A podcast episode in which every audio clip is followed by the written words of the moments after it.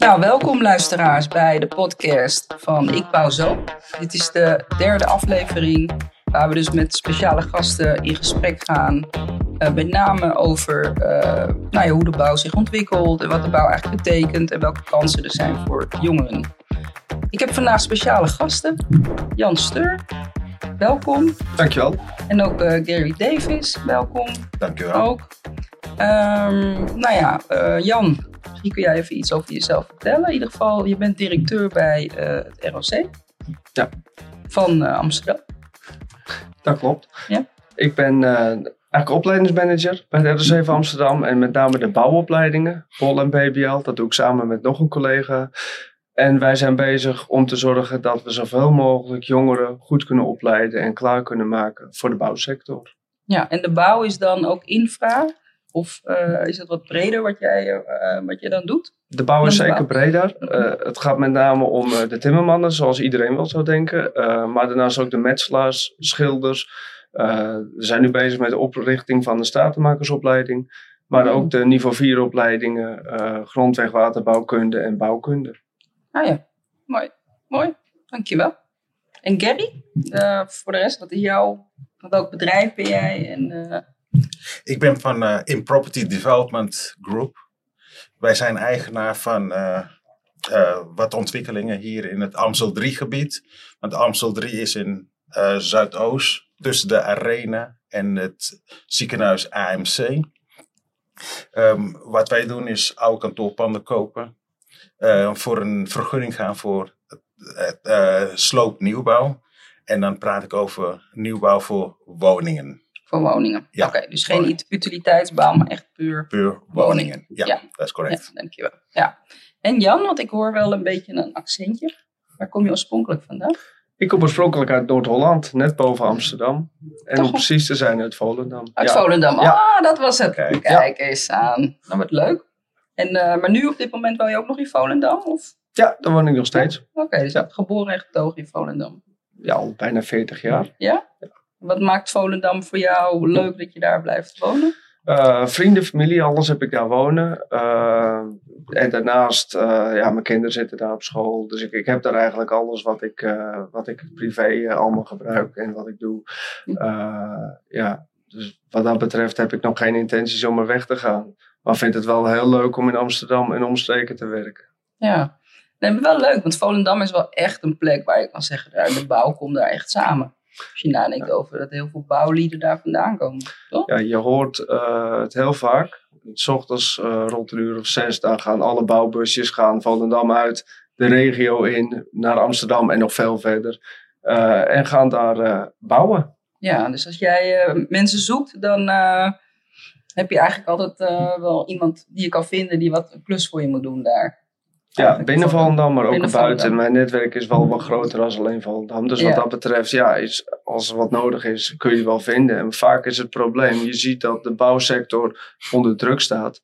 Eh, er is heel veel vraag. Als je kijkt naar personeel, is er gewoon minder mensen zijn beschikbaar. Mhm. Eh, dus als je iemand vraagt, duurt het gewoon lang voordat je. En dat is ook waar heel veel mensen tegenaan lopen. Als je wat voor elkaar wilt hebben, duurt dat maanden voordat je aan de Ja. beurt bent. Nee, dat, dat herken ik wel. Bedoel, mijn zus die woont in, eh, in Horen, die had net een huis gekocht. En die heeft volgens mij acht maanden moeten wachten op een tegelzetter. Ja, dat valt nog mee. Dus ja, Ja. het is echt, echt ongelooflijk dat dat Dat is echt erg lang. Het is ja. echt lang hoor. Ja. Dus eh, ja, nee, hartstikke leuk. En eh, nou ja, Gary. Gary, wat is, dat, wat is jouw, want waar woon jij? Laten we daarmee beginnen. Ik woon in Amstelveen. Ik ben opgegroeid wel in Amsterdam Zuidoost. Maar door de omstandigheid is dat je te veel verdiende. Was er geen mogelijkheid om in Amsterdam Zuidoost een woning te kopen toen de tijd. Nu is het al anders aan het worden. Maar toen de tijd was het bijna onmogelijk. Waarom? Omdat je bijna alleen maar sociale huurwoningen hier in Amsterdam Zuidoost had. En daar, daar kwam ik nooit voor in aanmerking. Dus wat je ziet is dat heel veel talenten uit Zuidoost zijn verhuisd naar Almere, Amstelveen, Ja. en ga zo maar door. Klopt, en Diemen. En, En die eh, inderdaad, ja. ja. klopt. Ja. Ja. Ja. dat is natuurlijk hier eh, wel anders. Ehm, nou ja, zeker ook eh, de, de bouwopgaves, ook in Noord, Nieuw-West, Zuidoost. Klopt. Ja. waar Amsterdam natuurlijk zich heel erg aan het uitbreiden is. Maar hoe ben je eigenlijk hierin terechtgekomen? Hè? Want je, je, ja, je bent eigenaar van panden, je ontwikkelt ook. En hoe ben je hier ingerold? Nou, misschien een kleine geschiedenis is dat ik ooit als autoverkoper ben begonnen. Dus heel commercieel. Dat heb ik jarenlang gedaan. Maar op een gegeven moment dacht ik, ja, dit kan ik honderd jaar doen. Maar dat wordt er niet leuker op. Toen vervolgens een bedrijfje begonnen op luchthaven Schiphol. En daar werkte ik altijd met heel veel jongeren. Het bedrijf heet Seal Go. Dat bestaat nog steeds. Dat is het mooi inpakken van bagage. Maar dat deed ik met alle plezier natuurlijk. Eh, In 2006 overigens verkocht. Maar ik kocht zelf ook heel veel ontwikkelingen. Heel veel pandjes in mijn, eh, in mijn straat in Amstelveen. En ik vond het leuk. Ik vond het leuk. Toen ik Seal Go had verkocht. En hoe oud was je toen je je eerste, eerste pandje ging verkopen? Of kopen? kopen. Ehm, uit mijn hoofd 25 jaar. 25 jaar. Ik was er vroeg bij. Mijn moeder zei altijd, ja nee, kopen dat doe ik niet. Ik wil terug naar Curaçao en ik wil mijn handen vrij hebben. Maar ik dacht, ja, dit is mijn land. Hier wil ik blijven. Als ik kinderen krijg, wat ik op jongere leeftijd kreeg. Ja, dan wil ik niet naar Curaçao verhuizen, want het is toch vrij klein. En ik wil bewegingsvrijheid willen hebben. En dat is eh, hier in Nederland wel het geval en op Curaçao niet het geval. Omdat het een kleine eiland is natuurlijk. En dus ik, ik, kocht al eh, allemaal appartementen in de straat. En ik vond het hartstikke leuk. Ik ging het ook met de jongens zelf verbouwen. Terwijl ik twee linkerhanden heb zelf. Maar je leert wel heel snel en heel veel. En dat vond ik leuk. En toen dacht ik van... Nou, misschien is het toch wel leuk om een aannemersbedrijfje te hebben. En zo ben ik erin gerold dat ik voor anderen ehm, opdrachten kreeg om hotels te bouwen in kantoorpanden, leegstaande kantoorpanden. Die Als we, aannemer. als aannemer, die we dan transformeerden naar hotels. En dat hebben we bij heel veel hotels hier in Amsterdam gedaan. Wauw. Ja. En, want, want, eh, en is dat in een stroomverstelling op een gegeven moment gegaan dat je aannemer was en dat je daarna die opdracht kreeg? En, Eh, een stukje bluff. Mhm. Ik was autoverkoper, dus ik kon het Ah, ja. inderdaad wel goed aan de man brengen. En een goede, goede mensen om je heen eh, ontmoeten. Ik had een goede partner, die was timmerman en ook aannemer. En op hem kon ik leunen. Dus als ik vragen had, dan kon ik naar hem toe gaan van... joh, vertel mij eens, hoe zou je dit doen? Maar omgekeerd deed hij dat ook. Dus dat was een, eh, een gelijkwaardige relatie wat we dan eh, samen hadden. Ehm, vervolgens werden de klussen steeds groter nadat we naar eh, eigenaren toe zijn gegaan van joh, wij kunnen het voor je verbouwen naar een hotel. En of het nou 42 kamers of 250 kamers betrof, dat maakt ons niet zoveel uit. terwijl je Wij- eigenlijk wij niet zeker ervoor. wist of het, of het lukte, maar je had zoiets van, we, Zoals ik, ik, had het gewoon. ik had ook heilig geloof in dat het ging dat het lukken. ging lukken. Ja, Dat dat is het ook lukken. belangrijk. Ja, dat had, want ik had een goede partner. En dat is ook natuurlijk heel belangrijk. Kijk, hij kon de handjes goed begeleiden op de, op de klus. Ik wist natuurlijk het goed eh, binnen te halen, de klussen. En daarnaast alles eromheen, dat deden wij dan samen. Dat deden we dan samen. En op een gegeven moment zag ik van, ja, ik kan het altijd in opdracht blijven doen voor anderen, maar waarom niet voor mezelf? En zo ben ik inderdaad in het projectontwikkeling gerold. En ik dacht van, ja, weet je, je kan één appartementje kopen, maar er gaat zoveel tijd in zitten. Maar als je iets groters samenkoopt met een, een groep van, eh, in dit geval met, zijn we met z'n vieren, waarom ook niet? En, en zo, zo ben ik erin gerold dat ik zei van, ja, laten we ervoor gaan. Laten we voor het groters gaan. En we hebben nu dat we in een eh, aanvraag zitten voor een bouwvergunning van 113 appartementen. En dat is hier in Amsterdam Zuidoost ook.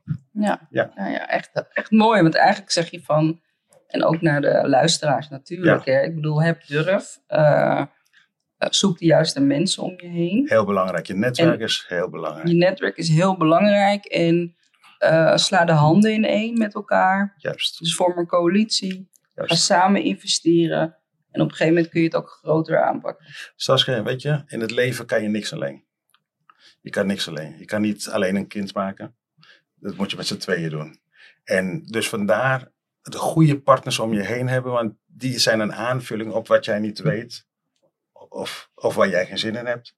Dus Abdel, zoals die eh, goede heer heet, Mhm. Die, die kon heel goed klussen. Die kon heel goed timmeren. Ja. En, en dat kan ik niet. Jij kan het niet. Ik kan het niet. nee. Nog steeds niet. Nog steeds niet.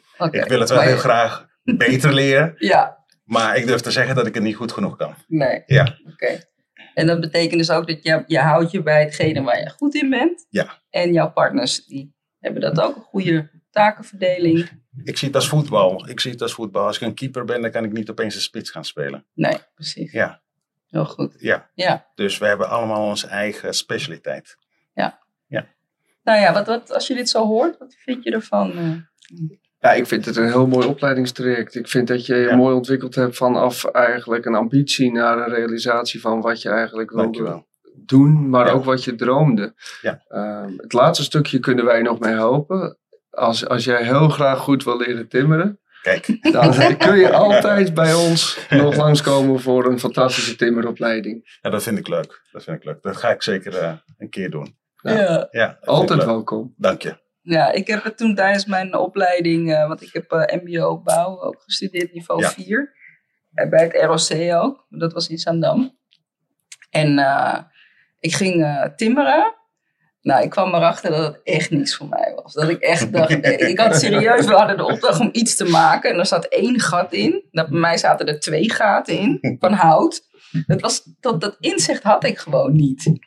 En, ehm, maar ja, toen van duur ontdek je gewoon van oké, dit is niet mijn ding. Ik ben veel meer eh, op kantoor waarop ik gewoon kan aansturen, eh, het veld inga. En, en dat ontdekte ik tijdens mijn stage ook wel. Dat ik dat gewoon wel echt heel leuk vond. Op de bouw zijn überhaupt vond ik hartstikke leuk. En eh, weet je, de dynamiek die daar was. En ehm, ja, en vervolgens gewoon eh, dingen met elkaar maken. Alleen ik moet, niet, eh, aan het, ik moet daar niet met een hamer in mijn handen of zo. Dat werkt niet. Zelf niet. Nee. Nee. Ja, maar je moet het wel een keer gedaan hebben, wil je dat kunnen ervaren. En eh, aan de andere Ja. kant kan ook, zoals Gary zegt, is dat op het moment dat je het een keer gaat doen, juist door het te doen, word je er en beter in. Maar kun je ook ervaren dat het misschien, dat je iets aanpalend, zoals wat je zegt, op kantoor, en juist die aansturing of zeg maar die, die, die achtervang zijn Ja. voor degene die buiten loopt. Correct. Ja, precies. Correct. En, ehm, want we zien het nu al, hè? Ik bedoel, we hebben het over projectontwikkeling. Nou, jij leidt ehm, in principe eh, nou, heel veel jongeren op, Ja, toch? Want hoeveel, klopt. hoeveel jongeren op jaarbasis gaan op een gegeven moment timmerman eh, opleiding volgen? Of, ehm, ehm, even kijken, timmerman, eh, wat zijn er nog meer? Metselaar. metselaars, schilderen hebben we, stratenmakers, zijn jullie mee bezig? Ja, we hebben Ja. in totaal zo'n eh, zo'n 200, 250 eh, studenten die bij ons starten per jaar. Mhm. Er gaan er ongeveer 230 per jaar gaan er met diploma uit. Eh, nog wat lang studeren, dus mensen die met extra begeleiding nodig hebben, nou, dat geven. Dus dan duurt zo'n traject net wat langer. Eh, en wat we ook zien is dat, door, dat een aantal nog doorstromen. Als je timmerman bent, kun je ook nog allround timmerman niveau 3 of en daarna nog niveau 4 uitvoerder bij ons doen. Ehm, we zien dat, dat, we, dat we heel veel zijnstromers hebben. Dus we hebben heel veel reguliere instromen, zeg maar, in de En wat BBL. zijn zijstromen? Zijnstromen zijn mensen die eh, een baan hebben, een vak bijvoorbeeld in de horeca of, eh, of, of, of bijvoorbeeld op Schiphol zien we ze heel veel nu. En zeker in coronatijd, laatst was dat nog meer. En die denken, ja, ik wil wat anders. Ik wil, eh, ik wil graag aan de slag in een andere sector. En in dit geval de bouw. En die gaan naar een bedrijf toe, zoals bijvoorbeeld naar bouwmensen, waar we mee samenwerken hier in Amsterdam. En die krijgen daar een baan aangeboden. En die krijgen bij hen betaald, werken bij een bouwbedrijf. En bij ons volgen ze dan de opleiding tot timmerman of metselaar. Ja, ja, ja, ja. ja. En, en als je kijkt naar die, eh, ehm, die jongeren die dat doen, zeg maar. Wat merk je vooral van hoe zij over de bouw denken? Ehm qua imago. Ehm, zijn het veel jongeren die eigenlijk zoiets hebben van ik wil dit heel graag? Of, of zijn het jongeren die zeggen, nou ja, ik, ik, ga, ik doe dit, maar ehm, ik doe dit omdat ik eigenlijk niet weet wat ik wil doen? Of zijn ze heel trots als ze die opleiding gaan volgen? Vooral bij de iets ouderen zie je dat wel. Uh, bij de echt jongeren zie je dat bijvoorbeeld familie of bekenden in, de, in het werk zitten. Bijvoorbeeld een, neef of een oom of een vader die een eigen bedrijf heeft. En denkt, ja, ik wil ook zoiets. En uh, dan word je timmerman of, of schilder of metselaar. Ja, dus gewoon van generatie naar generatie. Ja. is het altijd geweest. Dus Ja, we zien, de- we zien dan ook wel eens dat het niet helemaal eh, matcht. Het gebeurt ook. Iemand Mhm. maakt een keuze en zegt, ja, dit, dit is het toch niet. Eh, wat we dan gaan doen, we zitten binnen de Tech en Business Community Amsterdam. Dat is de nieuwe naam van MBO College Westpoort. En gaan we kijken, joh, wat kunnen we dan binnen de opleidingen die we aanbieden, samen met de loopbaancoach doen om te zorgen dat jij wel op de goede plek komt. En hoe heet dat? Tech en Business Tech en Business Community Amsterdam. Community Amsterdam. Ja. En dat zit bij Westpoort. Westpoort, ja. Oké. En wij als, eh, als, zeg maar, als buitenlocatie in Diemen met de bouwopleidingen vallen eigenlijk onder het Techniek College Westpoort. Dus tegen Business Community Amsterdam. Oké. En, en, ehm, en dat is recent gestart? Of is dat, bestaat het al wat langer? Nou, we staan nu sinds een jaar. Precies een jaar. Sinds een jaar eh, eh, voeren wij deze naam omdat wij vinden binnen onze identiteit eh, de business die we hebben rond administratie en handel, wat wij doen in ondernemerschap, in combinatie met techniek en de samenwerking die, die wij daarin opzetten, zien wij dat wij daar heel sterk in zijn en daar ons ook in kunnen profileren. Oké. En dan is het, eh, want je ziet natuurlijk dat jongeren ook heel vaak zeggen van, ik wil eigenlijk niet voor een werkgever werken, ik wil voor mezelf beginnen. Ja. En is dat dan waar ze dan heel goed bij in Westport terecht kunnen, als het hebt over ondernemerschap, eh, echt een aannemer worden, bijvoorbeeld? Ja, je kan, ehm, wat we doen is, je kan een opleiding volgen erin. Dat je zegt, ja, je gaat, je gaat bijvoorbeeld administratie of, of handel, ondernemen volgen.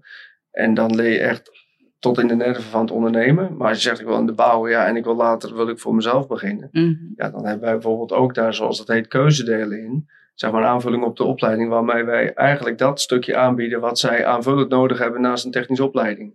Om te zorgen dat zij ook weten, wat is dan dat ondernemerschap? En dat is wel van belang, want heel veel denken, ik begin voor mezelf. Ik kwam uh, eergisteren een stukje tegen op LinkedIn, waar nog stond dat een, eh, een jonge ondernemer eh, niet, zich niet gerealiseerd had dat hij een eigen bedrijf had, maar geen, geen kwartaalaangifte deed bij de Belastingdienst en een oplopende schuld had van richting de 5000 euro. Ja, dat moet je wel, vind ik, realiseren als je voor jezelf begint. Wat, wat houdt dat in? En wij proberen daar met z'n allen bewustheid op te creëren, dat voor jezelf beginnen en niet zomaar wat is. Maar dat je wel wat moet weten en moet kunnen van waar je mee bezig bent. Niet alleen technisch, maar ook als het gaat om ondernemerschap. Zeker. Ehm, is, het, is het een tendens, denk je, dat jongeren steeds meer eh, eigenlijk voor zichzelf willen gaan werken? Zie jij daar een, een verandering in?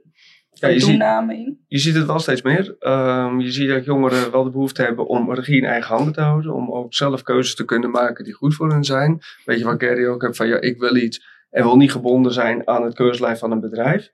Um, dus die vrijheid zie je heel veel jongeren ook zoeken. Je ziet het helaas ook heel vaak fout gaan. Um, een bedrijf heeft natuurlijk wel een bepaalde zekerheid. Je kan zeggen, ik verdien heel veel geld. Maar als je realiseert wat er uitgaat aan wat een bedrijf voor jou betaalt als je in loondienst uh, bent. In vergelijking met dat je het zelf moet betalen als je voor jezelf bent. Dan zit er zeker, als je kijkt nu naar de marktprijzen, zit er steeds minder verschil in. Dus het wordt steeds minder interessant om als ZZP'er aan het werk te gaan. Want de druk wordt veel hoger van de lasten die je hebt. Want wat, wat zou je verdienen uh, als, uh, als ZZP'er uh, per uur als je bijvoorbeeld timmerman bent? Timmerman, ZZP'er, dan zou je ex-BTW zo nu 75 euro kunnen vragen. Ja, toch wel. Ja, de vraag, ja, het is ook, als je timmerman wil hebben, er is niemand te vinden waar we het net over hadden. Dat maakt ook natuurlijk, in die marktwerking maakt het zo dat als er niet is, komt de prijs onder druk te staan. Die gaat omhoog. Um, maar dan maak je niet direct een goede timmerman. Dus ja. dan wordt ook 75 euro kwaliteit verwacht. En die moet jij wel kunnen leveren. Ja. En wij zien wel heel veel jongeren die vinden wij net iets te vroeg voor zichzelf beginnen. Waarvan we zeggen, wacht gewoon nog heel even. Ga eerst na nog vijf jaar gewoon bij een werkgever. Doe ervaring op. En maak dan die stap. Ja, ja want dan hebben we dus uh, uurprijzen 75 euro voor een timmerman. Hmm. Nou, uh, jongeren die dat al, uh, die zeggen van ja, dat, dat wil ik wel betaald hebben. Eigenlijk toch te weinig ervaring hebben om eigenlijk aan die 75 euro te kunnen voldoen. Um, herken jij ook, uh, dit verhaal? Ja, dat herken ik zeker. Um, toen we in de hotelbouw zaten, hadden we natuurlijk ja, behoorlijk wat disciplines. Spraken over loodgieters, elektriciëns, uh, mensen die de wanden maakten. En wat je merkte bijvoorbeeld bij de loodgieter, is dat ze daar heel goed in zijn. Hè? Maar twee jaar later zag je ze als uh, algemeen een aannemer. Want ze dachten, nou weet je, het is heel makkelijk. Al die disciplines haal ik bij elkaar, dan ben ik aannemer, dan ga ik het zelf doen. En dat zie je ook heel veel bij jongeren, dat ze op een gegeven moment zelf alles willen organiseren. Dat ze een volwaardige aannemer zijn. Ik vind het goed om te zien, leuk om te zien, want je probeert dan ook even verder te gaan dan dat je, ja, verder te kijken dan dat je neus lang is. En ja, toch heel veel succesvolle ondernemers eh, daardoor, tenminste die hier in Amsterdam lopen, eh, hebben voortgebracht. Eh. Dus daar werk je dan ook mee samen? Dan, daar werk eh, ik mee samen. En ja, je ziet ook heel veel dat die nogmaals grote bouw nu aannemen. Doordat ze, ze zijn begonnen als loodgieter. Nu zijn ze moskeeën aan het bouwen, kerk aan het bouwen, eh, kantoorpanden aan het bouwen. Dat is, dat is geweldig. En, en toch hoor ik wel dat ook eh, vooral die jonge ondernemers die bezig zijn, Ja. ehm, dat ze moeilijk bij projecten aan de bak kunnen. Omdat er vaak toch wel gewerkt wordt met grotere partijen Dat klopt. die dat dat, klopt. ook weer organiseren. Dat klopt. Ik ben ervan overtuigd dat je als je een starter bent niet meteen een grote klus kan aannemen. En dat moet je ook niet willen, want een risico is zeer groot. Het risico om alles te verliezen is zeer groot. Dus daarom moet je dat ook niet willen. Dus je, moet erin rollen. Ehm, terugschakelend op het hotelwezen. Je kan beginnen met 12 kamers in plaats van 250 kamers. Want 250 kamers behelst een hele ander risicoprofiel dan, eh, dan 12 kamers. Dus je moet er nogmaals inrollen. En sommigen willen te snel, te hard. En ja, dan gaat het mis. Mhm. Dan gaat het mis. Want je hebt namelijk ook te maken met je betalende klant. Kan die het aan? Is die betrouwbaar? Krijg, eh, krijg je geld op tijd? Kan je jongens op tijd betalen? Komen ze op dagen? Er zijn heel veel dingen waarmee je te maken hebt. Ja. En wat voor disciplines heb je eigenlijk nodig als je zo'n aannemersbedrijf start? heel veel aannemers die huren onderaannemers in. Afhankelijk van wat het is. Is het woningbouw? Is het eh, hotelbouw? Is het een, een kantoorpand? We zitten nu in een kantoorpand en dan heb je heel veel glazen wanden. Dus dan praat je over jongens die de glazen wanden moeten kunnen eh, eh, plaatsen. We hebben hier heel veel tapijt.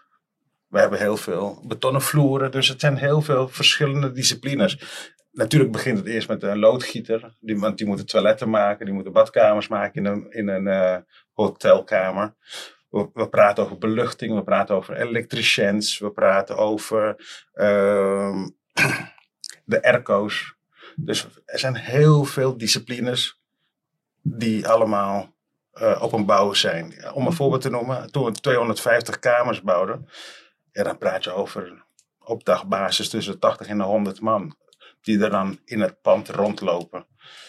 Praat je over 42 kamers, dan praat je al gauw over 20 man die er dagelijks rondlopen. Dus het is heel veel organiseren, maar het is ook heel veel babysitten. Want het zijn ook ehm ZZP'ers die je toch af en toe helaas in de gaten moet houden. Van jongens, kom op doorwerken, we hebben deadlines te halen. En ja, je moet helaas wel achter ze aan blijven zitten. Ik zie jou schudden, Jan. Dat, Ja. dat herken je wel. Nou ja, je ziet, eh, je ziet vooral nu ook, de, de meterprijs is, eh, is heel interessant. Is heel als- interessant, als je iemand ja. aanneemt als ZZP en neem je hem niet aan eh, op, op, op uurloon, dan ga je gewoon van, joh, ik betaal per vierkante meter of per stekkende meter. Dat is net wat, correct, eh, wat correct. discipline het is. Correct. En het is, wat je zegt, een enorm risico als je een eh kleine ondernemer bent en je gaat grote projecten doen. Daarbij Ja. ook, als je kijkt ook nu naar de verduurzamingsontwikkeling van eh, binnen de metropoolregio Amsterdam, Ja. heb je gewoon ook te maken met een aantal eisen die gesteld worden rond bouwen. Ja. en wij zien vanuit eh, de PPS Bouwacademie dat juist die, het MKB daar niet goed in mee kan komen. Je ziet dat de grotere partijen, de grote bouwbedrijven voorop lopen. En je ziet ook de ketendwang ontstaan naar de kleinere partijen. En daar zie je de druk komen van dat het eigenlijk zij niet goed mee kunnen komen met de eisen die gesteld worden aan een project. En wat voor soort eisen zijn er dan? Nou heb je bijvoorbeeld aan welke soort isolatie gebruik je, of welke soort luchtdichtheid, of welke mate van ventilatie gebruik je. En, en daar zie je dat, dat daar zitten berekeningen achter. En je ziet dat juist het, het, het, het MKB dat heel moeilijk vindt. Want dan is het niet alleen meer, ik, ik maak een kanaal, of ik maak een plank op een muur, of ik timmer een, een, een wand. Ja. Maar dan is het meer van, oké, waar moet die wand al voldoen? Aan welke RC-waarde moet die voldoen? Hoe, hoeveel lucht gaat er dan in? Hoeveel lucht mag er ontsnappen? Dus wel, hoeveel lek, hoe erg lekdicht moet die zijn? Nou, en, en daar zie je dat, dat het MKB er slecht in mee kan komen. Nou, wat, wat het ook eh, speelt, Jan, is uh, je moet de klus verzekerd krijgen. Zeker. En Ja. Heel veel kleine ondernemers kunnen dat niet verzekeren of verzekerd krijgen. En, en wat, wat, tot welk bedrag moet je verzekerd zijn bijvoorbeeld? Nou, je, je wil bijvoorbeeld een karverzekering eh, hebben. En sommige karverzekeringen, karverzekering, dit is een verzekering voor als er een omstandigheid op de bouw gebeurt. Bijvoorbeeld een hele stellage valt neer en ja, wie gaat dat betalen? Dan kan je dat naar je verzekeringsmaatschappij brengen. Maar soms is het zo dat, eh, ja, dat als kleine ondernemer krijg je dat gewoon niet verzekerd. En daarop, ja, de grote verzekeraars, de grote aannemers, die krijgen dat wel verzekerd. Dus daarom krijgen die wat makkelijker de klus. Ja, ja. Maar dat zijn Kijk, natuurlijk eisen die aan de voorkant ook gesteld worden. Hele Dus belangrijke- Hele belangrijke eisen inderdaad. Want anders loop je inderdaad weer het risico waar we het toen net over hadden. En ja, dat wil je als kleine ondernemer zeker niet lopen. Stel je voor dat er een, een steiger omvalt en Ja. valt op een auto. Wat gebeurt er dan? Ja. Ja. Ja, of een, of een eh, ongeval Of een met ander ongeval. Ja. natuurlijk. Ja. Want ook dat is helaas eh, op de bouw eh, veel gaande. Hè? Als, ik, als ik kijk naar de woningbouw. Als ik een simpele rijtjeswoning laat bouwen. Dan is het, stel je voor jij koopt een huis en ik mag het voor jou bouwen als kleine ondernemer. Dan vraagt jouw bank van joh, ben je aangesloten tot een bepaalde vereniging? Mhm. Ben ik dat niet, dan kan, mag ik dat huis niet bouwen. Terwijl ik het prima zou kunnen bouwen. Dus ik moet ook aangesloten zijn.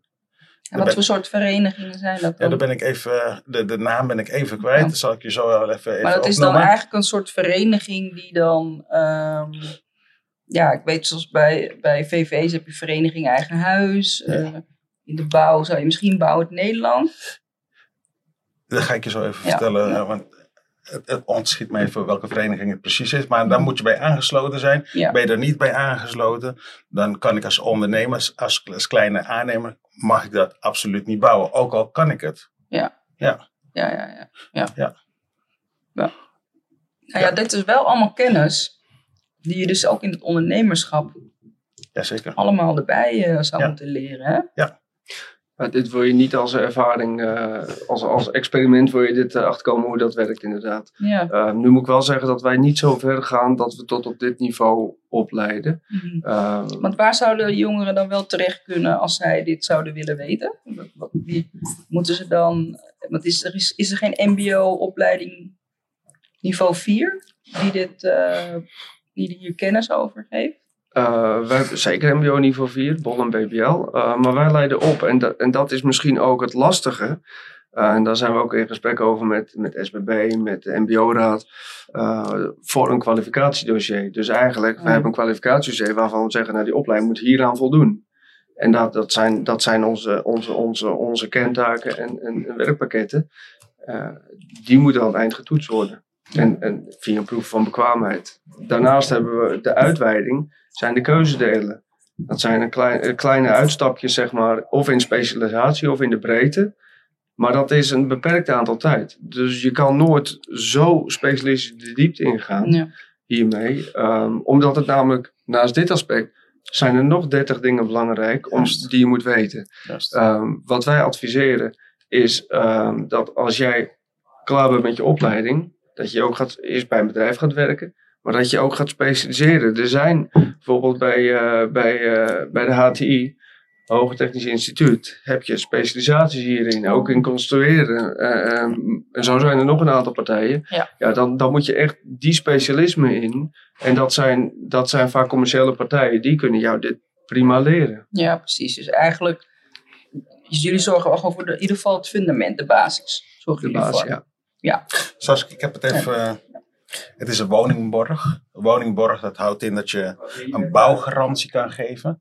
Dat het een afbouwgarantie. Dus stel je voor dat ik eh, aan jouw ingezinswoning begin en het, ja, ik ga over de kop. Ik ga failliet Mhm. en ik kan het niet afbouwen. Dan zit jij natuurlijk met handen in het haar van ja, wat, moet- wat moet ik nu doen? Dus dan heb je een verzekeraar die het voor jou kan overnemen. Tenminste van de failliete bedrijf kan overnemen dat het in ieder geval afgebouwd wordt. Dus dat je een bouwgarantie hebt. En eh dat bedrijf is Woningborg. Dat is Ja. eh, wat ik toen net... eh, Ja, precies. Ja. Vereniging. Ja. Ja, ja, ja. Maar ja, dit heb je dus ook allemaal geleerd. dat, dat heb ik ook geleerd. En nogmaals, ik had twee linkerhanden. Ik ben van oorsprong begonnen als autoverkoper en totaal niet opgeleid in de bouw. Maar ik vind, ik vind het zo leuk, zo interessant. Helaas twee linkerhanden, maar daar gaat Jan iets aan doen. en een geloof. maar ik vind het een hele interessante uh, markt. En ik ben ook zeer nieuwsgierig altijd van hoe dan nu verder. Maar daar komen we straks op terug. Ja, en maar wat maakt het zo interessant voor jou? Deze dat, je, dat, je, dat je wat je maakt, dat je kan aanraken, dat je er naartoe kan. Je kan opscheppen van, kijk, dat is voor mij, dat heb ik gebouwd. Dat is, uh, kijk eens hoe mooi. En ik vind het ook hartstikke mooi om eh, huizen te maken. Waarom? Omdat je zo'n tekort hebt in Amsterdam en eigenlijk in de hele wereld. Want in Amerika, waar mijn vader vandaan komt, hebben ze ook huizentekort. Uh, dat hebben ze in Ghana, dat hebben ze op mhm. Curaçao ook helaas. Mhm. Dus uh, ja, je probeert je steentje aan bij te dragen. Ja. ja. Heel mooi. Ja. Heel mooi. En wat is voor jou echt je passie waarom je doet wat je doet? Uh, voor, mij, voor mij voornamelijk uh, vanuit deze rol om te zorgen dat jongeren op de goede plek terechtkomen. En uh, ik was vroeger docent. Daarvoor vroeger enigszins rechterhanden, maar dan wel in de klimaatbeheersing. En niet zozeer als timmerman. Um, is dat ik vind dat je iedereen een kans moet geven. En dat ik vind dat je moet zoeken naar iemands kracht. Ja. En um, ook moet weten, wat ik straks ook al zei, dat als iemand ergens niet goed in is, dat je dan gaat samen gaan kijken, wat kunnen we dan wel voor je betekenen? Wat kunnen we dan zorgen zodat jij succesvol bent, een goed leven hebt, een maatschappelijke impact kan maken, maar ook gewoon blij bent met wat je doet. Ja, ja, ja nee, dat snap ik. En, maar dus eigenlijk de rode draad in jouw werk zijn altijd de jongeren geweest. Ja, absoluut. En, en in principe eerst was je docent en nu nou ja, ben je opleidingsmanager. Ja. Ja, en als docent doe je het op een, op een iets kleiner vlak. Je hebt een, een groep studenten en leerlingen die, die je begeleidt. En dat zijn er uh, tussen de 50 en 150, afhankelijk van de grootte van je school en je aanstelling. Uh, maar als opleidingsmanager dan zit je aan tafels waarin je de lijnen kan uitzetten waarin die begeleiding plaatsvindt. En dat maakt dat die impact groter is. Ja. En ik weet wat ik wil rond begeleiding van jongeren. Ik weet wat, uh, wat er nodig is om iemand goed te begeleiden. Ik weet ook hoeveel tijd dat is. Dat is niet even, je hebt een half uur in de week en dan moet je even 25 studenten gaan begeleiden. En dan moet het ook nog goed gaan. Nou, dat kan niet. Dus wij, wij zetten ook zwaar in op die begeleiding, op ondersteuning. We hadden we straks voor dit uh, interview over ja. Gary over taalondersteuning, maar ook uh, persoonlijke begeleiding. Kijk, en als het echt even niet gaat, hè, dan hebben we ook nog opvang om, om zeg maar de externe specialisten erbij te halen. Um, en om aan jezelf te werken, dat doen we vooral bij entree niveau 1. Als iemand net nog niet klaar is om zeg maar, het beroep te leren, maar echt zelf nog worsteling met zichzelf heeft, wat, wat echt wel vaak gebeurt, dan kunnen wij daar ook in voorzien om iemand handvatten te geven. Kijk, iemand, een, een, een, jongere moet zelf wat doen. Bedoel, het is niet zo dat wij het probleem voor hem op kunnen lossen, zeggen we, we overgieten je met iets waardoor, het, waardoor het kan. Um, er zit heel veel tijd, moeite, energie, frustratie in voordat je zover bent. Eh, maar dat is ook het trek waar je doorheen moet. En dat, dat is ook opleiden. Mhm. Opleiden doet ook in die zin ook zeer. Want je, je daagt jezelf uit dingen te gaan doen uh, met leren. Want vaak is het opleiden, dat wordt vaak gezien als we lezen een boek. We leren hoe je iets maakt. En dan heb je een opleiding. Maar het is voornamelijk ook de, de persoonlijke bijdrage van hoe, hoe kom jij nou verder als persoon. Waardoor jij dit kan bewerkstelligen. Want uiteindelijk een boek lezen kun je iedereen leren. Maar uiteindelijk is het hoe maak je dat nou interpersoonlijk voor jezelf, jezelf eigen, dat het onderdeel is van jouw identiteit. En dat, dat is denk ik ook het moeilijke van onderwijs. Mm. Want dan heb je namelijk vijf, niet, niet een klas met 25 studenten, dan heb je 25 verschillende mensen in de klas met een eigen behoefte. Ja. Ja, en, dat, en dat is de complexiteit van docentschap. Ja, dat kan ik me voorstellen. En, en, en wat, wat is zeg maar de grootste uitdaging voor jullie als organisatie? Nou, voor onze organisatie is de grootste uitdaging um, dat wij uh, zien dat er heel veel verschillende behoeftes zijn. Dat wij niet in staat zijn om de groepen zo klein te maken dat je kan zeggen, je kan die behoeftes dusdanig clusteren. Daar zijn we wel mee bezig, daar hebben we ideeën over, zijn we alleen nog net niet ver genoeg voor om nu die stap te kunnen maken. Maar dat je um, eigenlijk meer richting gepersonaliseerd lesgeven wilt, omdat heel veel van onze studenten dat ook nodig hebben. Ja, dat snap ik. Ja. En als je ook kijkt naar de markt daarbuiten, Want ik denk dat de markt schreeuwt om jouw studenten. Dat, Toch? Dat- ik bedoel, we hebben wel gisteren, volgens mij in de krant stond over, ehm, nou ja, dat we 3000 minder woningen hebben gebouwd dan we beoogd hadden. Eh, nou ja, op jaarbasis, eh, in ieder geval in heel Nederland, zou er geloof ik een, eh, nou ja, hoeveel? 100.000 woningen gebouwd moeten worden. Nou ja, Ja. dat redden we bij lange na niet. Nee. Vergunningen worden niet afgegeven. Ehm ja, dus, ja, dus er staan, maar er is aan de ene kant, er is, ehm vergunningen worden niet afgegeven. Ehm, maar er zijn wel heel veel werklui is er wel nodig. Wat, wat we heel erg nodig hebben en waar we ook meteen ook last van hebben, is conjunctuur. Zowel Ja. hoog als laag. Beide is lastig. Dus het is eigenlijk altijd lastig. Want als je laag conjunctuur hebt, dan heb je eigenlijk staat je operatie onder druk en heb je te, heb, wil je het liefst niet zoveel mensen erbij. Ja. Maar op het moment dat je hoogconjunctuur hebt, en dat zien we nu heel erg, en de afgelopen jaren ook al, is dat een, een timmerman, die moet 20 deuren afhangen. En dat, dat moet hij doen. Die krijgt een, een leerling mee, die, die moet hij gaan opleiden. Of zij, kan beide, want we hebben ook dames als, eh, Mhm. als timmervrouw. En dan er zit er eigenlijk geen tijd in om, voor dat opleiden. Dus eigenlijk, die deuren moeten erin. De, de ervaren leermeester zegt, ja maar ik wil wel gewoon om vijf uur wil ik naar huis, want dan is de dag om.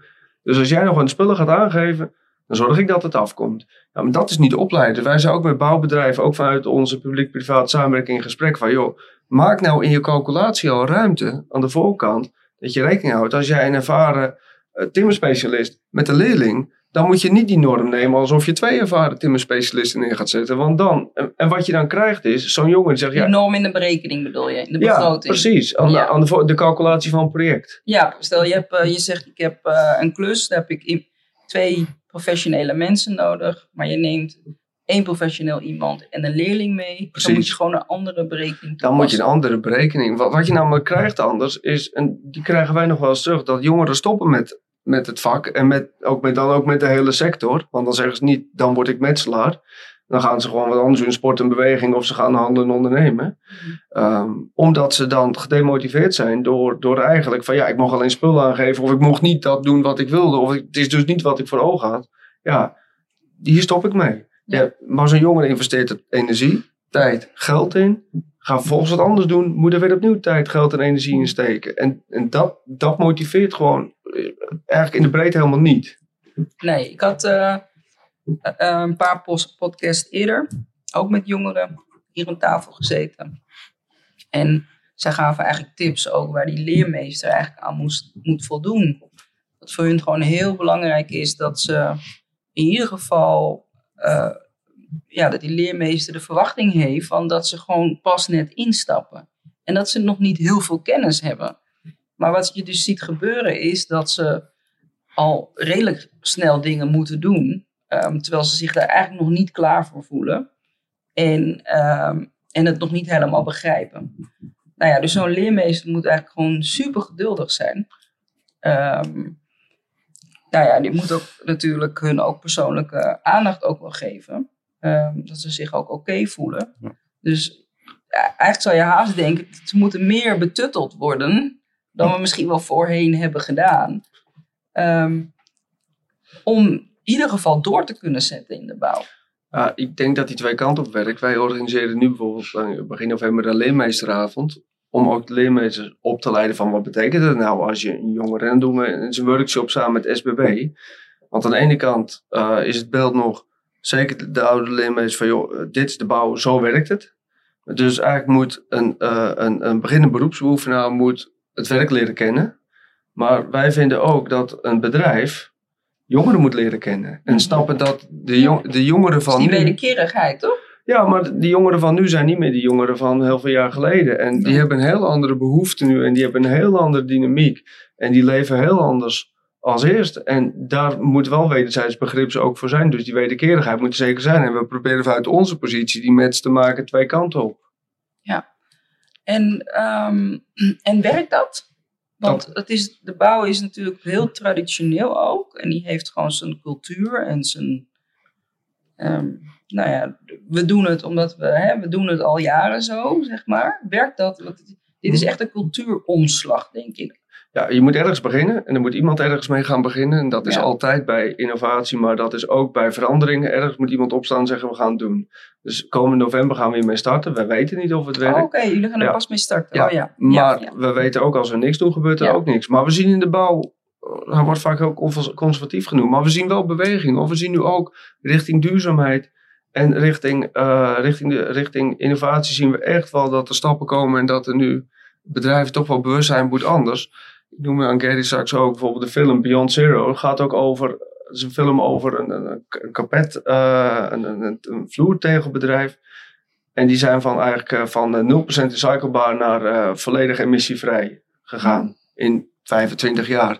Als dat niet hadden gedaan, waren ze er niet meer. En de bouwsector snapt ook, en ik zie steeds meer bewustzijn, dat als je niet meegaat en je gaat niet innoveren en je gaat verduurzamen, dat je straks geen plek meer hebt in de markt, omdat je wel moet. Want dat is de nieuwe, Ja. de nieuwe norm, want je ziet hem van ver af aankomen, ook opgelegd door de overheid, nu met subsidies, straks met dwang. We moeten die kant op. Dat is En, juist. en waar, waar zien jullie, zien jullie kansen in, Gary? In de Nou, bouw? Nou, waar wij zelf kansen in zien is, ehm, ik heb het wel eens tegen jou gezegd, dat heet CLT, met CLT bouwen. Dat is Cross Laminated Timber. Dat betekent dat het hout in kruislings op elkaar wordt gestapeld. En een goede dikke pakket van wordt gemaakt. En dan kan je muren mee maken, dan kan je vloeren mee maken. Maar het is, wordt als een puzzel in elkaar gezet. We zijn hier in Amsterdam Zuidoost. Hier verderop is er een project dat heet Sweetie Wonen. En dan praten we over woningen die eh, gebouwd worden uit CLT-hout. En ja, dat gaat zo verschrikkelijk snel. Dat gaat echt zo snel. En binnen hoeveel dagen of maanden kan er wat gebouwd worden? We praten nu, in, we praten nu over september. Met de vakantie ertussen. Ehm, ze zijn begonnen en ze zitten nu op de vijfde etage. Vanaf mei, eind mei. Dus het, is, eh, het gaat heel, heel snel. En zie je binnenkort zijn ze windwaterdicht. Ze hebben acht etages, dus ze hebben nog drie te gaan hierna. Dus ja, ik verwacht dat het eh, heel snel gaat. En in traditionele bouw ben je daar gewoon een jaar, misschien iets langer mee bezig zelfs. Dus het Ja. is echt stapelen. En dat is een systeem wat ik 13 jaar geleden voor het eerst zag. En ik besprak het met de gemeente Amsterdam en ook met gemeente Diemen, waar we ook aan het ondernemen zijn. Nee, dat willen we niet. We blijven traditioneel bouwen. En daar loop je ook tegenaan natuurlijk. De innovaties bij de gemeentes, dat wordt ook heel vaak tegengehouden. Nu is gelukkig Amsterdam wel geswitcht. Dat ze zeggen, we willen in hout bouwen. Waarom? Het is duurzaam, het gaat veel sneller en we kunnen het nog hergebruiken. Wat we met beton in mindere mate kunnen. Mhm. Dus daar zijn we wel blij mee dat het nu inderdaad innovaties En uit- veel voren komen. komt deze innovatie komt het uit een ander land vandaan? Nou, je, wat je heel veel ziet en zag, is dat het uit Oostenrijk en in Duitsland kwam. Maar daar bouwen ze al jaren zo. En in Japan bouwen ze ook heel lang al met hout. Eigenlijk hier in Amsterdam ook, want al die grachtenwoningen die zijn ook van hout gebouwd. Alleen het waren hout eh skeletten Ja. inderdaad, ja. Maar nu CLT is echt waar. Je kan een plaat van 20 meter lang, 4 meter breed in één keer neerzetten. En dat is dan een hele muur of dat is een hele vloer. En dan, dat, dat, dat schiet lekker op. Langhalig hout thuis. zoals En dat het wordt dan al wel voorgemaakt in de fabriek? Dat wordt inderdaad in de fabriek eh, gemaakt. En is, dat, is zo'n fabriek in Nederland of is die in het buitenland? Volgens mij is er één fabriek in Nederland dat ze dat aan het maken zijn. Daar wil Hmm. ik even vanaf zijn. Maar sowieso komen de meeste panelen komen uit Duitsland, Oostenrijk. Oh, ja. Die landen waar ze al jaren mee bekend zijn. Ook in Scandinavische landen. Want daar moet het ook snel gaan. Dus ik geloof dat we naar hoge snelheden toe moeten wat bouwen betreft. Ja. Ja. en zeker, want als je kijkt naar de ambitie, Ja. eh, nou ja, dat was natuurlijk van politiek eh, die nu demotionair is. Ja. Maar ehm, als er, als er zo'n hoge ambitie is dat we heel veel moeten gaan bouwen, en er zijn heel veel tekorten.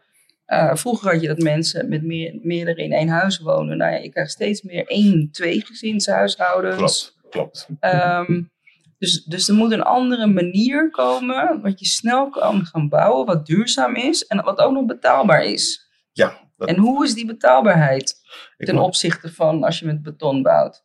ik moet zeggen ehm, dat hout met hout bouwen, dan praat ik over specifiek CLT bouwen. Mm.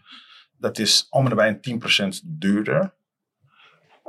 Daar staat tegenover dat je veel sneller in de woning kan. Dus je hebt minder eh, dubbele lasten. Ja, En als het een, eh, bijvoorbeeld een hotel betreft, je kan veel sneller je kamers verhuren. Dus de verdientijd is naar voren getrokken. Ja, en de proceskosten wat, waarschijnlijk wat minder.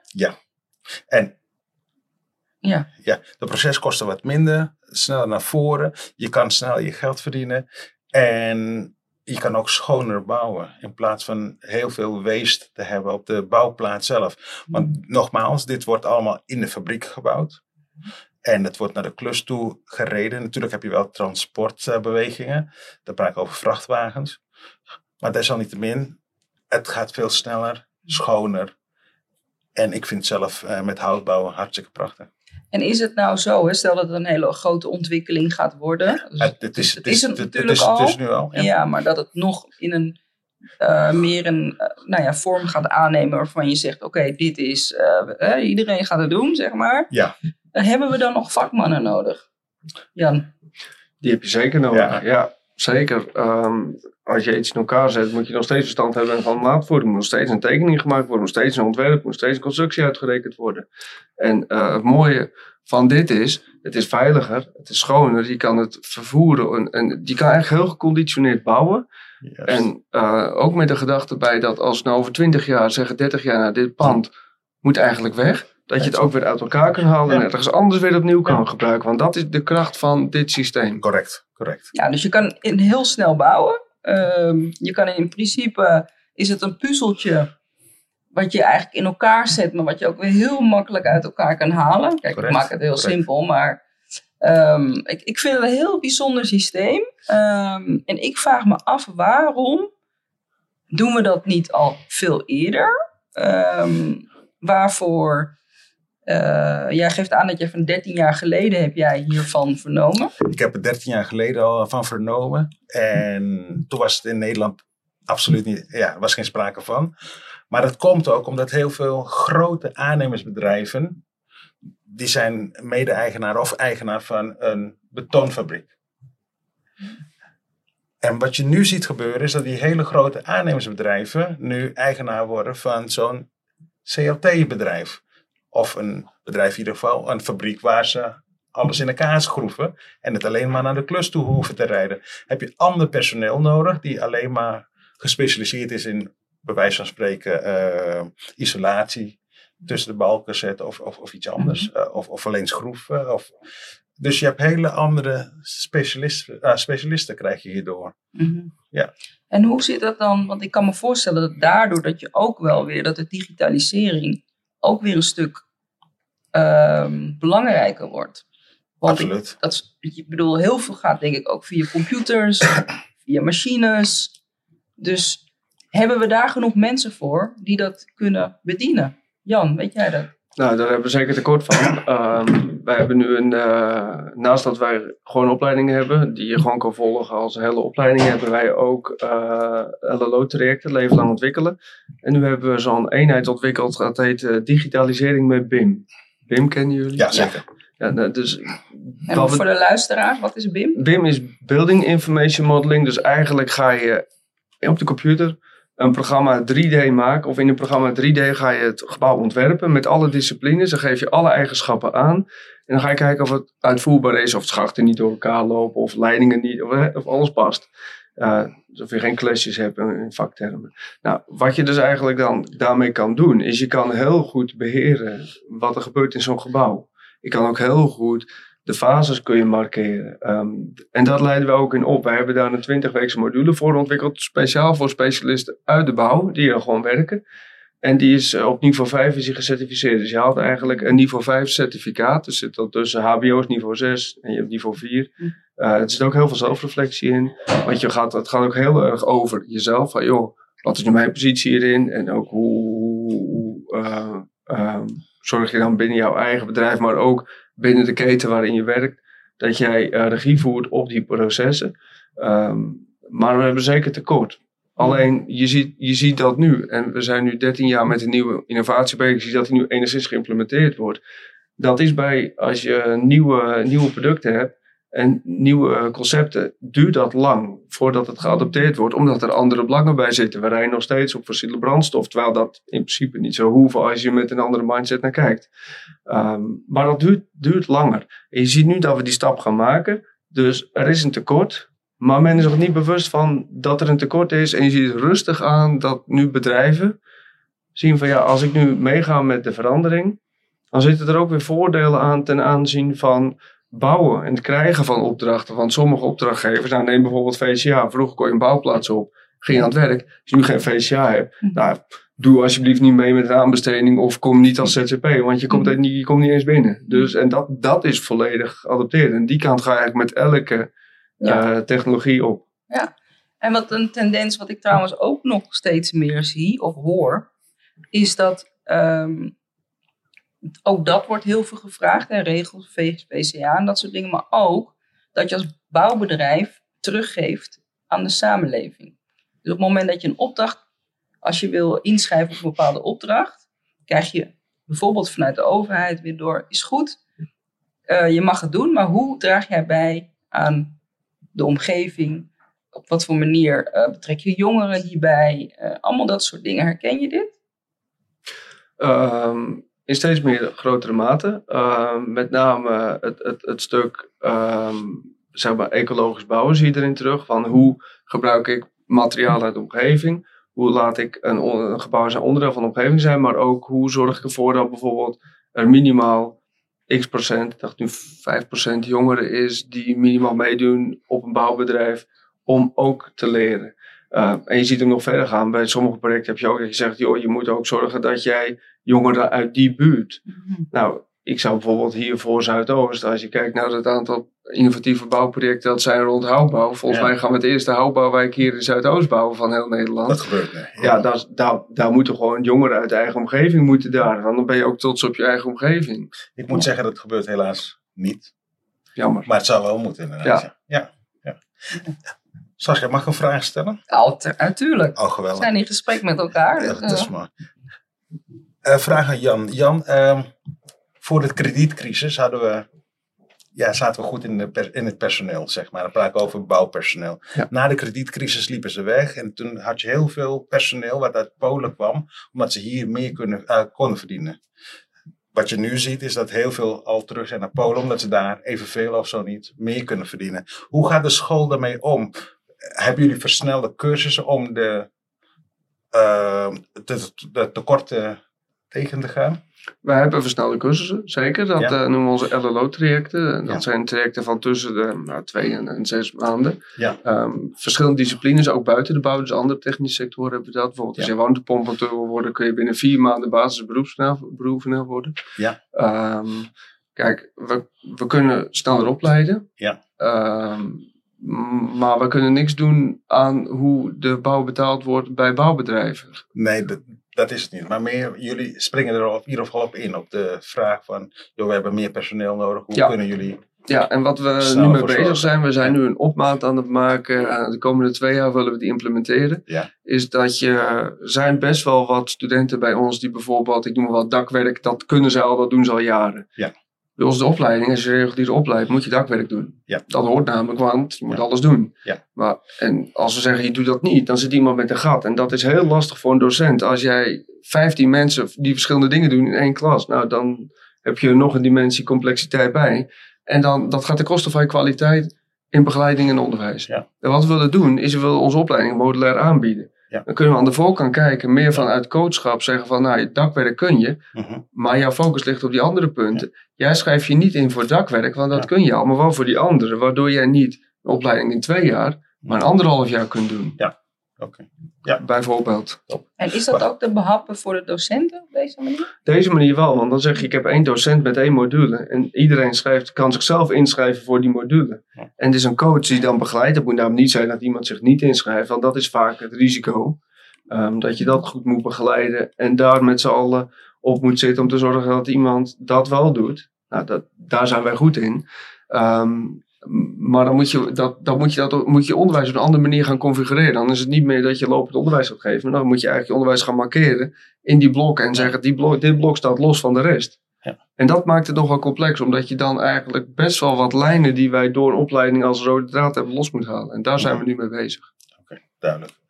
Jan, wat ik ook zag, eh, toen ik zelf een bouwbedrijfje had, ik noem maar een bouwbedrijfje, is dat er heel veel personeel, die ook ZZP'ers waren, ehm, totaal niet nieuwsgierig zijn van, ja, wat is innovatie? Dus ook totaal niet naar beurzen gingen van, yo, what's next? Dus kunnen jullie daar ook als opleiding, eh, tenminste als, als, als ROC, kunnen jullie daar ook op inspelen? Dat je vertelt, jongens, dit is de opleiding, maar het houdt hier niet bij op. Dat doen we zeker. Ehm, in mindere mate bij de BBL, dus degene die werken en uh, één dag of twee avonden naar school komen. Want dat maakt het toch iets complexer, omdat Ja. je, eh, je contacttijd is minder en je moet wel een aantal dingen af hebben. Ja. Ehm, maar we gaan zeker bijvoorbeeld naar de VSK-beurs, de bouwbeurs. Ja. Ehm, we laten ook bedrijven bij ons komen om workshops te geven en om gastpresentaties te geven. Maar bijvoorbeeld in de bouwopleidingen gaan we juist naar buiten toe. En hebben we bijvoorbeeld nu in, eh, in de Van der Pekbuurt, Laplastraat, hebben we een eh, woning her- laten herontwerpen door onze studenten voor een woningbouwvereniging. Oh, is- En dan geven zij advies. Ja. Zo eh, gaan wij, nou ik denk elke vijf weken zitten wij ergens buiten de deur met de studenten. Ja. Maar ook zeker elke tweede week komt wel iemand bij in school om iets te vertellen over zijn of haar vakgebied. Ja. Ja, en we hebben ook weer keuzedelen. Ik, vind- ik- soms even zoeken, net, net hoe, het is net hoe je hem insteekt en net in welke fase van de opleiding je het doet. Omdat niet eh, alle beurzen altijd op hetzelfde moment zijn. Maar je Nee. hebt ook een keuzedeel over innovaties. En als student het is een keuzedeel, een student kan hem kiezen. Hij kan ook kiezen voor duurzaamheid, ook voor architectuur. Ehm, dan proberen wij wel telkens in al die keuzedelen die Ja. aanpalend zijn aan duurzaamheid, innovatie, architectuur, de bewustheid van die innovaties aan te brengen en Ja. ze daar ook in mee te nemen. Heel goed.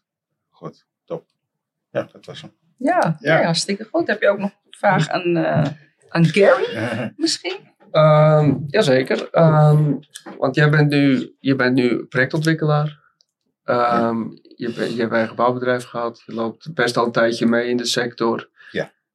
Als je nou kijkt van jouw perspectief uit naar opleiding eh, en voor men, voornamelijk naar jongeren. Wat zouden wij dan volgens jou moeten doen om te zorgen dat jongeren beter worden opgeleid dan dat ze nu worden gedaan? Daar ben ik Nou. wel heel benieuwd naar. Nou, wat wij zien en wat wij heel graag hebben, is dat dingen snel gebouwd worden. Jan, eh, een, een- ontwikkeling van een, een kantoor wat er staat tot een woontoren, dat kan om en bij een 7 tot 10 jaar duren. Dat is vreselijk lang. Ja. En wij willen dat het natuurlijk heel snel gebouwd wordt. Dat willen wij natuurlijk, dat is ideaal, want dat duurt om en bij een twee jaar eh, over het algemeen. En wij willen dat het versneld gebeurt. Waarom? Omdat iedere dag dat iets leeg staat, dat kost geld. Ja. Ehm, dus wat wij heel graag zo- zouden willen zien, en nu praat ik even voor mezelf, is dat er opgeleid wordt ook om zo te denken. Dat het snel wordt gebouwd in plaats van, oh, doe maar rustig aan en eh, we gaan met beton bouwen. Dat is, staat normaal gesproken twee jaar voor. Wij zouden heel graag zien dat het binnen een jaar gebouwd, eh, gebouwd is. Want dan krijg je betaalbare woningen.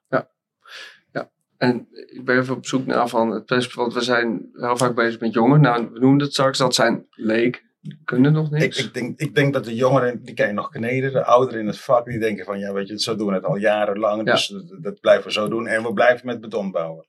En terwijl we een tendens zien dat we daar toch een beetje van afstappen. Misschien nog wel de fundering, maar de, de bovenop willen we heel graag van hout bouwen. En dat zie je dan steeds meer gebeuren. Volgens mij is er ook een, eh, een houtcoalitie eh, hier in Amsterdam. En dat de gemeente Amsterdam heel graag met hout werkt. En ik denk dat dat eh, niet alleen in Nederland, maar ook in België, maar ook in, in, in Brazilië of in Ghana, dat dat de nieuwe tendens moet zijn. Om snelheid erin te hebben en te houden. Dus eigenlijk denk ik, als ik het goed begrijp, dus heb je meer behoefte aan dat die jongeren ook wat meer opgeleid worden in innovatie, innovatieve Innovatie en in, in, in, in het denken. In, eh, denken, ja. innovatieve manieren van denken. Juist, ja. Want eh, wat ik bijvoorbeeld heb eh, gezien, toen ik in 2006 eh, badkamers maak of liet maken in hotels, is dat natuurlijk een loodgieter, die komt dan met een toiletframe en dan afvoeren aansluiten. En ja, er, er zijn nu bijvoorbeeld een Wavin, die heeft gewoon één, één pakket en is alles al geprefabbed vanuit de fabriek. En dan hoef je neer te zetten, aan te sluiten en that's it. Dus het gaat vele malen sneller. En versus het eh, traditioneel, ja, dat gaat ik denk wel vijf keer sneller. Ja, en je hebt ook steeds mee te maken met, de, we praten ook eens over timmerman, over schilder, over al die andere disciplines. Maar je gaat wel steeds meer naar de bouwmonteur toe. Want Ja, waar, je, klopt. naar- waar je naar Klopt. kijkt, Klopt. is ehm, een timmerman die heel goed is met houten spijkers. Ja. Ja, die moet eigenlijk ook wel een stopcontact kunnen maken. En als er nou een kraantje vervangen moet worden of gemaakt moet worden, ja, waarom moet er een aparte loodgieter voor komen? Die heeft voorrijkosten, hè? dat is duur, Vrij duurt langer Ja, voordat hij er is. Ja. Ehm, dat zou ook één iemand kunnen doen. Ik denk in onze mindset dat we ook veel meer richting die gedachte moeten gaan. Dat we iemand iets breder opleiden. Allround. Ja, en, en, en dan, en wij noemen dat zeg maar, eh, wij de sector noemen dat een bouwmonteur. En dat je, dat je net wat, kijk, het is niet zo dat je volwaardig elektricien, timmerman en loodgieter bent.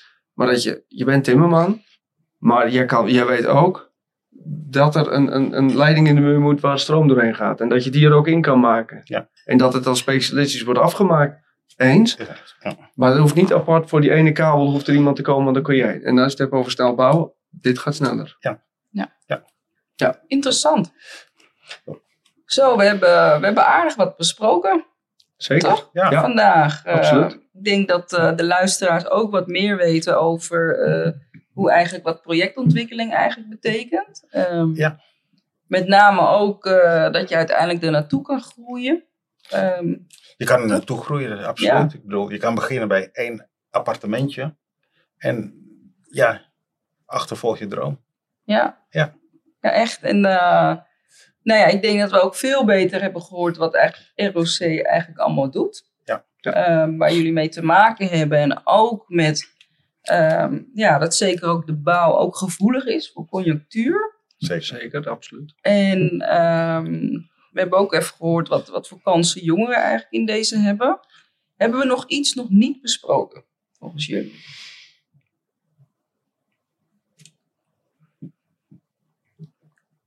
Ja. Iets wat Volgens mij de lijnen die wij zouden bespreken aan de voorkant hebben volgens mij nu allemaal gehad. hebben we allemaal... eh, Volgens mij ook. Ja, toch? Ja. Is het, eh, en wat, wat zouden jullie nu nog eh, aan jongeren willen meegeven? Gary als eerste, tot slot. Wees nieuwsgierig. Wees nieuwsgierig naar wat voor innovaties allemaal op ons afkomen. Ehm, en kijk er gewoon naar. Kijk er met een open blik naar. Ja. Ja. Kijk, want ehm, je kan het misschien vandaag op een beurs zien en volgend jaar is het heel normaal. Maar bijvoorbeeld het houtbouwen, wat ik 13 jaar geleden had gezien, het had heel veel eerder naar Nederland gehaald kunnen worden. En moeten worden gehaald. Maar helaas, het is niet gebeurd. Dus daarom zeg ik, wees nieuwsgierig. Want je ziet Mhm. heel veel op beurzen. Door te praten met mensen, door anders te denken. Probeer out of the box te blijven denken. Dat is Mooi. wat ik- ja. Mooi, dankjewel. Ja, Jan. Ja, vooral doe wat je leuk vindt. ehm, en weet dat als je doet wat je leuk vindt, dan, dan gaat het ook veel makkelijker. Dus oriënteer daar aan de voorkant goed op. Loop mee, kijk goed om je heen. eh, en loop anders dagen mee met, met bouwbedrijven, met verschillende disciplines. Maakt eigenlijk niet uit of het bouw is of wat je wil doen. Het gaat erom dat jij de keuze maakt waar je denkt dat het best bij je past. Maar weet ook dat het niet vanzelf komt. En dat het niet zo is dat, ehm, dat je dan niks hoeft te doen. En het is gewoon heel hard werken om je droom na te gaan. Eh, maar als je ervoor inzet en je gaat ervoor, dan helpt het heel erg mee als je het leuk vindt. Ehm, en dan ga, je er, dan ga je er ook komen daar waar jij wil zijn. Want uiteindelijk is alles wat jij wil bereiken, bereik je door de motivatie die je hebt om daar te willen komen. Mooi. Absoluut. Mooi, mooi, mooi. En wat ik ook echt vandaag heb gehoord, is ook die allround. Je mag best meerdere dingen leuk vinden. Je mag best Absoluut. heel Ja. goed, het kun je best gewoon combine- combineren met elkaar. ehm, dan dat je alleen maar focust op één vakgebied.